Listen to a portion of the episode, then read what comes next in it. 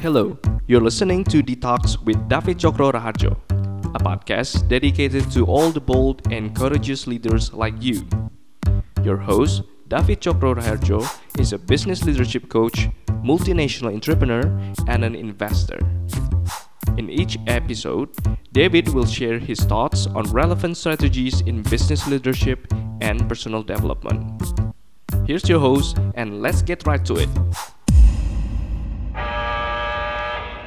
Ini adalah pertanyaan yang sering ditanyakan kepada saya, yaitu adalah bagaimana caranya mendapatkan mentor, gimana caranya untuk bisa uh, bisa di, di mentorin sama orang lain, apa yang saya lakukan sehingga saya bisa dapat mentor-mentor yang baik, you know. So um, my answer is kalau kamu bertanya pertanyaan ini, I think you are in the right track. You are in the right track karena um, you cannot do it alone. Uh, dan dalam bahasa Inggrisnya kita katakan bahwa you need to stand on the shoulder of giants. Jadi kita perlu berdiri di pundak daripada uh, orang-orang uh, yang besar, orang-orang yang mulia, orang-orang yang sudah sukses, orang-orang yang sudah pernah melakukannya. And there lies the first secret to everything, yaitu adalah uh, they are giants. Dia bukan uh, you know orang-orang uh, yang nggak pernah sukses, orang-orang yang nggak punya prestasi, orang-orang yang nggak terbukti kalau kalian mau punya mentor, kalian mesti uh, cari orang yang been dead gitu, orang-orang yang sudah pernah melakukannya gitu. Nah, tapi uh, saya pikir ada tiga level daripada para mentor karena uh, menurut saya um, kita gak bisa, kita gak selalu bisa dapatkan yang yang kita inginkan gitu. Karena itu mungkin kita perlu membaginya menjadi tiga level yang berbeda-beda. Kamu gak bisa langsung ada di level ketiga kalau kamu tidak ada di level satu pertama-tama. Oke, level yang pertama biasanya adalah inspirator. Oke, inspirator itu adalah orang-orang yang seperti kata kuncinya yaitu adalah memberikan inspirasi kepada kalian. Jadi uh, mentor di level ini tugasnya adalah untuk seperti kayak membakar semangat kita dan memberikan kepada kita pemikiran-pemikiran supaya kita uh, apa namanya merasa perlu atau merasa bisa untuk melakukan hal-hal yang tadinya kita rasa tidak bisa. Now, here's the good news untuk level inspirator untuk inspirator, kalian nggak perlu untuk ada orangnya. Kalau ada orangnya, luar biasa. Tapi the greater the inspirator, uh, contoh, if you are inspired by the like of uh, Elon Musk sebagai contohnya, kan kita terinspirasi nih sama dia. Nah, kita susah banget tuh, tuh orang kan kaya banget, tuh orang sibuk banget, susah banget untuk kita bisa ketemu sama dia face to face. Terus caranya bagaimana? Nah, here's the here's the secret para inspirator ini biasanya punya uh, seumpamanya dia tulis buku atau dia tulis biografi tentang dirinya atau ada orang lain yang nulis biografi tentang mereka atau mungkin mereka berbicara di uh, panel atau mereka pergi ke uh, seminar atau mereka uh, you know all this of uh, online uh, webinar atau IG live and things like that. Nah, untuk mendapatkan inspirasi, kamu tidak perlu punya hubungan sama mereka I want to elaborate uh, in this point a lot because banyak orang yang berpikir adalah kan saya gak ketemu sama dianya. Nah saya sering bilang begini, guys, uh, kalau mau cari konten itu ada di mana-mana, mulai dari Instagram, YouTube, um, apa namanya, and many many different other platforms. Alright, jadi inspirator itu ada di mana-mana. Tugas kalian adalah investasi sedikit. Contoh, kalau buku kan mesti dibeli. Kalau ada seminar kan mesti bayar gitu. Jadi tapi itu yang kecil, cuman habis mungkin 50 ribu rupiah sampai mungkin 300 ribu rupiah, 500 ribu rupiah, dan kamu mendapatkan inspirasi. Filosofi kamu harusnya begini, kalau saya beli buku ini 150 ribu rupiah, satu ide saja atau satu inspirasi saja di dalam situ, nilainya bukankah sudah lebih daripada 150 ribu rupiah? Berarti is a cheap investment on your side. Oke, okay? so this is the first one, level pertama yaitu adalah inspirator. Di level yang kedua, namanya adalah advisors. Jadi mereka bukan cuma hanya memberikan kepada kalian inspirasi, tapi dia juga memberikan subject matter expertise dia. Dia memberikan advice dia kepada kita. Nah, saya secara sengaja memakai kata advisor karena advisor itu tugasnya adalah hanya memberikan sebuah saran, tetapi kamu punya hak untuk melakukan atau tidak melakukan. Kan sifatnya adalah sebuah advising gitu ya. Nah, gimana caranya untuk bisa bertemu dengan para advisor? Sekali lagi, kamu tidak perlu punya hubungan pribadi dengan advisor untuk bisa mendapatkan advice daripada dia. Caranya bagaimana? Mungkin kamu mesti naik ke level yang berikutnya. Instead of cuman baca uh, apa namanya quotes atau video 5 menit, uh, kalau kamu mau punya advisor dalam kehidupan kamu, kamu mesti dengar konten-konten yang mungkin sifatnya adalah 15 menit, satu jam, oke, okay? atau bahkan 5 jam. Kenapa? Karena di dalam 15 menit, satu jam, 5 jam, 10 jam itu mengandung sebuah uh, advice, mengandung sebuah uh, expertise yang dia bagikan. Nah, kalau kalian pernah dengar di talk saya yang lain, saya selalu bilang begini, kalau ketemu sama orang sukses, tapi kamu bilang gini, saya nggak belajar apa-apa dari dia, pasti kamu yang salah. Saya jamin 100%. Semua orang sukses, tanpa terkecuali, pasti akan memberikan kepada kalian sebuah cerita tentang apa sih yang mengakibatkan dia menjadi sukses. Bedanya adalah ada orang yang sukses yang nggak tahu kenapa dia sukses. Ada orang yang sukses yang sengaja mempelajari kenapa dia sukses. Tentu the, the later adalah kalau kamu dengar sama dia, kamu langsung dapetin gems-nya, kamu langsung dapet expertise-nya dia. Nah, sedangkan untuk orang yang nggak tahu, kamu mesti lebih tajam untuk berpikir tentang apa sih yang bikin dia jadi sukses. But advisors, they have a lot of subject matter expertise. Pertanyaan saya adalah, are you willing to learn? Nah, untuk melakukan ini, investasi yang terbesar lebih daripada uang itu sebetulnya adalah waktu kamu. Karena saya mendapatkan ada banyak orang yang mau dicariin mentor, tapi jawabannya itu cuma sekedar mau cari jawaban singkat. The most successful people that I meet, they are not interested to give you just the ikan. Mereka mau ngajar kalian untuk mengail, mau eh, apa memancing gitu maksud saya. Jadi untuk belajar itu butuh praktis. Untuk melakukan itu kalian perlu untuk dengar lagi, dengar lagi.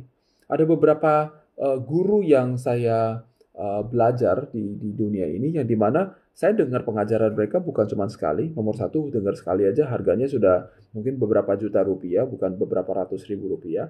Tapi kemudian saya gak nangkap, saya kurang ngerti. So you know what I did? Saya dengar lagi, saya dengar lagi.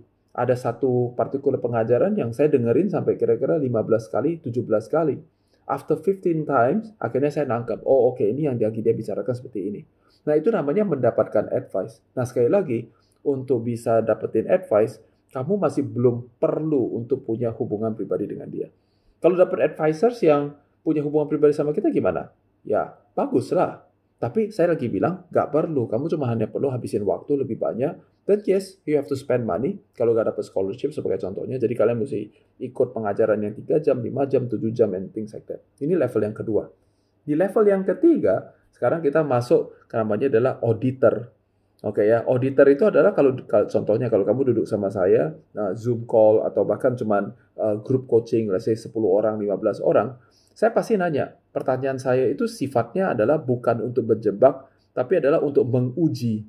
Nah, orang bilang sama saya, "Oh, kita untungnya sekian persen and things like that." Nah, kita uji. Nah, itu sifat daripada seorang auditor. So, if you want to stand on the shoulder of giants dan kalian mau menjadi orang yang mau dimentorin, kalian harus di level ini adalah level di mana kalian harus membuka diri kalian mesti vulnerable. Kalau ditanya revenue-nya berapa, jangan bilang gini, sign NDA dulu fit baru saya kasih. If you do that, that's the reason why you'll never get a strong uh, mentor di dalam kehidupan kalian. Kalau kamu mau mentor yang hebat, mentor yang hebat dia mau kontekstualisasikan uh, kamu punya kondisi. Terus auditor yang yang baik, dia akan bilang adalah nih datanya nggak cukup, datanya nggak lengkap. Dan kemudian dia akan kasih kita uh, apa namanya uh, PR Nah, maukah kamu melakukannya? Mau gak? Atau kita ribet ah, cuman tanya satu pertanyaan tapi um, disuruh muter-muter kayak begitu. Nah, ini adalah uh, kesalahan daripada menurut saya banyak orang gitu dan dan saya secara pribadi sudah pernah ngalamin di mana uh, bilangnya mau belajar dari David. Tapi kenyataannya adalah sebetulnya nggak mau belajar gitu. Maunya adalah dapat jawaban singkat, you know, jawaban yang instan. Pokoknya cuma dapat uh, uh, tricksnya atau tipsnya, you know, like all those sort of things. Tapi nggak benar-benar sebetulnya kepengen belajar gitu. Nah, kalau kamu nggak kepengen belajar, uh, nggak ada orang, nggak ada orang paling hebat di dunia ini yang bisa membantu kamu gitu. So to be audited, it means that you're gonna open your books. You have to have some sort of like scorecard gitu ya. Dan kemudian kita mesti periksa semuanya, baru kemudian bisa. Jadi itu tiga hal, inspirasi, advising, dan auditing. Jadi tiga aktivitas ini menentukan mentor seperti apa yang kamu bisa miliki di dalam kehidupan kamu. Plus one saya namanya adalah anchor.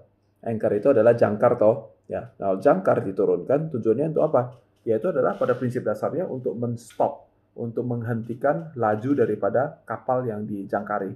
Nah, oleh karena itu uh, ini adalah menurut saya mentor kelas yang paling tinggi. Untuk melakukan ini, this is more than just being vulnerable. Ini artinya kamu harus datang kepada orang itu dan kamu bisa bilang adalah fit, I choose you to be my anchor, I choose you to be my mentor. Dan tentu si uh, coach itu, si David dalam hal ini adalah, saya juga harus bilang adalah I want to be your coach. gitu. Jadi uh, dua-duanya perlu terjadi. Nah kalau ini dua terjadi seperti begini, maka ada terjadi sebuah hubungan. But you need to understand something.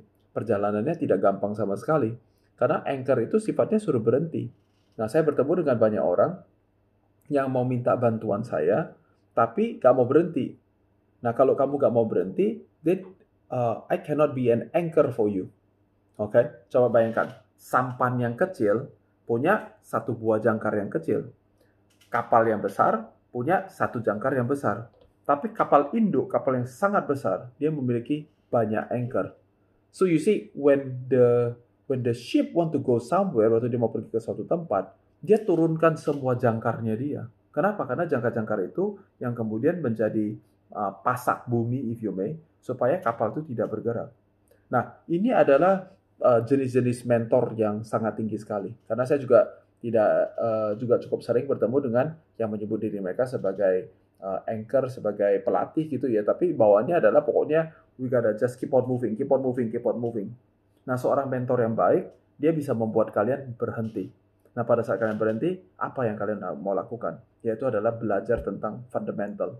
Coba bayangkan, kalau kapal lagi turun jangkar semuanya, berarti dia lagi ngapain? Dia lagi periksa engine uh, dan turbin dan uh, kondisi daripada seluruh kapal itu. Seperti itulah uh, seorang mentor seharusnya buat kehidupan kalian, yaitu adalah orang yang berani dan bisa menghentikan kamu dan tentu kamu juga adalah orang yang mau untuk disuruh untuk berhenti. Kenapa? Because you have to check the fundamentals. If you never ever check your fundamentals, gimana kita caranya tahu bahwa kita masih punya energi yang cukup, kondisi kita masih cukup baik untuk bisa maju ke depan. Banyak orang gak suka dites. Kenapa? Habis dites, wah ketahuan nih. Ada oh, masalah A, masalah B, masalah C, masalah D tapi kalau kamu sama sekali gak tahu apa masalah kamu, you don't understand what is the fundamental, what's gonna happen? What's gonna happen adalah tiba-tiba bisa kena cardiac arrest dan kemudian langsung meninggal di tempat. The same thing with your business. The same thing with your leadership. Jadi banyak orang mencari mentor, tapi gak tahu apa artinya untuk menjadi mentee. Itu pesan saya. There's a lot of people yang saya kenal yang punya hati yang besar dan mereka suka membantu orang. Masalahnya adalah the quality of the people yang mereka temui membuat mereka tidak memberikan um, mentorship dia yang terbaik if you may. Kenapa? Karena kamu bukan istilahnya kamu bukan tanah yang subur, gak bisa ditanam, ditanam juga hasilnya sia-sia gitu. So you're wasting my time if you may. Nah untuk melakukan itu kita harus uh, menjadi orang yang mau untuk diinspirasikan, mau untuk diberikan nasihat, mau diaudit, dan juga mau disuruh untuk berhenti. Those are my three plus one untuk kalian-kalian yang sedang mencari mentor. Sesi ini saya kasih nama adalah Standing on the Shoulder of Giants.